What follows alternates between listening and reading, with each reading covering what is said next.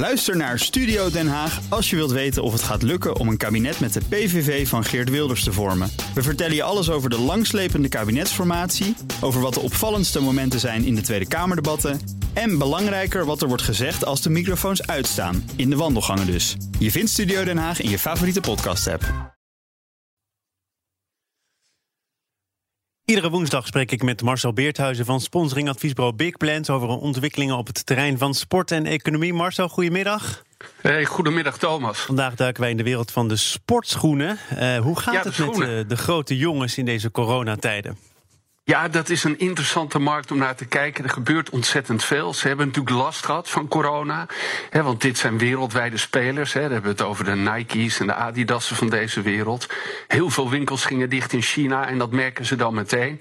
Maar er staat iets anders tegenover dat de online verkopen enorm zijn toegenomen. Dus uh, procentueel doen ze het wel iets minder. 1% Nike, 2% Adidas dan het jaar daarvoor. Maar eigenlijk valt het nog uh, enorm mee. En ook hun, uh, hun beursnoteringen, die blijven gewoon omhoog gaan. Ik geloof dat Adidas wel van Reebok af wil, toch? Ja. Er, er rommelt ja. daar wel wat aan de top van uh, de keten. Ja, klopt. Dat Reebok hebben ze gekocht uh, in 2006. 3,8 miljard. En de gedachte was dat uh, Reebok is staat natuurlijk helemaal Reebok, wat je wil zeggen, hè, ja. voor de fitnesswereld. Met hun pump, die hele bekende schoen die ze ooit hadden. Maar het staat nu in de verkoop voor een veel lager bedrag, 2,4 miljard. En Adidas wil er echt vanaf. Het drukt ook op hun resultaten. Want het gaat gewoon niet goed met Reebok. Nou, Under Armour heb je dan nog, heel groot Amerikaans merk. Maar die hebben het ook zwaar. Die hebben ook allerlei sp grote sponsorcontracten uh, afgestoten. Ja, en wat je wel ziet opkomen is Puma. Die gaat gewoon dwars tegen de markt in. Uh, zowel in, in de VS als in, in Europa investeren ze in allerlei sporters. In Amerika in basketbal, in Nederland heel veel, of in Europa heel veel in voetbal. In Nederland inderdaad ook, bij PSV. En dan zie je nog in de VS uh, grote Chinese merken opkomen die, die ook groot investeren. En uh, sponsoren ze dan uh, hele competities of takken van sport of individuele sporters? Ik herinner me natuurlijk grote atleten die echt uh, persoonlijke contracten hadden met onder andere schoenenfabrikanten. Ja, Puma pakt zowel bijvoorbeeld uh, de All-Star wedstrijden hebben ze gepakt, maar inderdaad ook hele grote spelers. Dus als je kijkt naar de strategie van deze bedrijven, dan zit het altijd op uh, teams, bonden, maar ook individuele spelers. En dat, ja, dat laatste blijft ook heel belangrijk. Het wordt soms nog wel steeds belangrijker.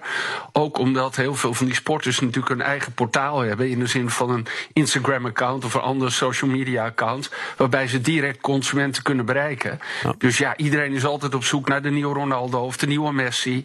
En, en ja, ook mensen als Ronaldo krijgen gewoon contracten voor het leven aangeboden. Hè. Dat is echt on onvoorstelbaar. Wat, mij opviel is uh, toch Usain Bolt, jarenlang volgens mij boegbeeld geweest van Puma. Zit ja. zo'n zo'n man, wereldbekende atleet, de snelste man op aarde, dan bewust niet bij Nike en Adidas, maar bij, ja, misschien als jij zegt, uh, timmer ook behoorlijk aan de weg, maar bij een uitdager zoals Puma? Ja, en, en, en Puma heeft in Afrika heel veel atleten en ook trouwens heel veel andere sporten opgepakt. En dit is dan uh, Jamaica. Hè? En, en, en zij hebben natuurlijk ook in, uh, in atletiek wel iets te doen en willen gewoon de grootste atleet. Nu hebben ze bijvoorbeeld Neymar van Nike ja. overgenomen. Ja. Het is niet helemaal duidelijk hoe dat is gelopen. Het verhaal is dat Nike van, van Neymar af, af wilde. Hè, dat ging uh, om een 100 miljoen dollar contract. En ja, ze, ze kijken dan gewoon wat er beschikbaar is. En, en, en, en Puma stapt, stapt in. Nou, je ziet ook Roger Federer, heel goed voorbeeld, die ook jarenlang bij Nike zat. En die is nu uh, de ambassadeur en eigenlijk ook investeerder geworden van een Zwitsers uh, schoenenmerk. On heet dat.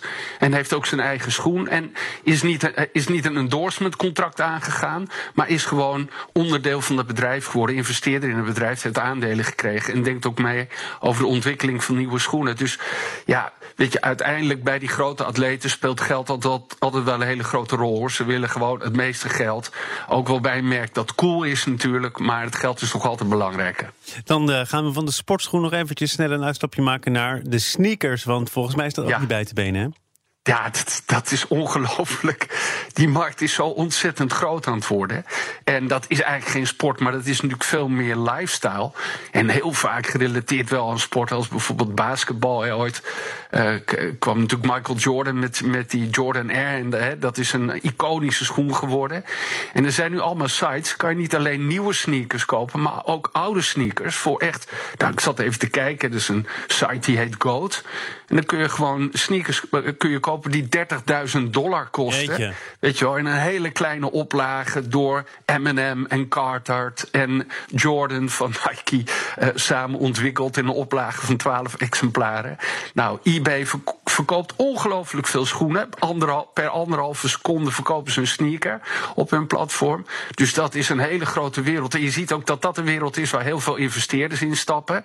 En waar je allerlei nieuwe combinaties ziet van artiesten, uh, modeontwerpers. Uh, maar ook bijvoorbeeld een merk als Lego dat nu met Adidas in zee gaat. En ja, ja dat, is, dat is een markt die zo mogelijk nog veel groter is dan de sportschoenenmarkt. Ja, nou, ik, ik zit even te kijken. Marcel, bedankt voor de tip. Maar de goedkoopste schoen die ik tot nu toe heb ontdekt is 700 dollar. Ik sla nog even over. Tot volgende week. tot volgende Hoi. week. Ook Diana Matroos vind je in de BNR-app. Ja, inderdaad. Je kunt live naar mij luisteren tijdens de Big Five. Ook handig in de BNR-app. Breaking nieuwsmeldingen, maar ook het allerlaatste zakelijke nieuws.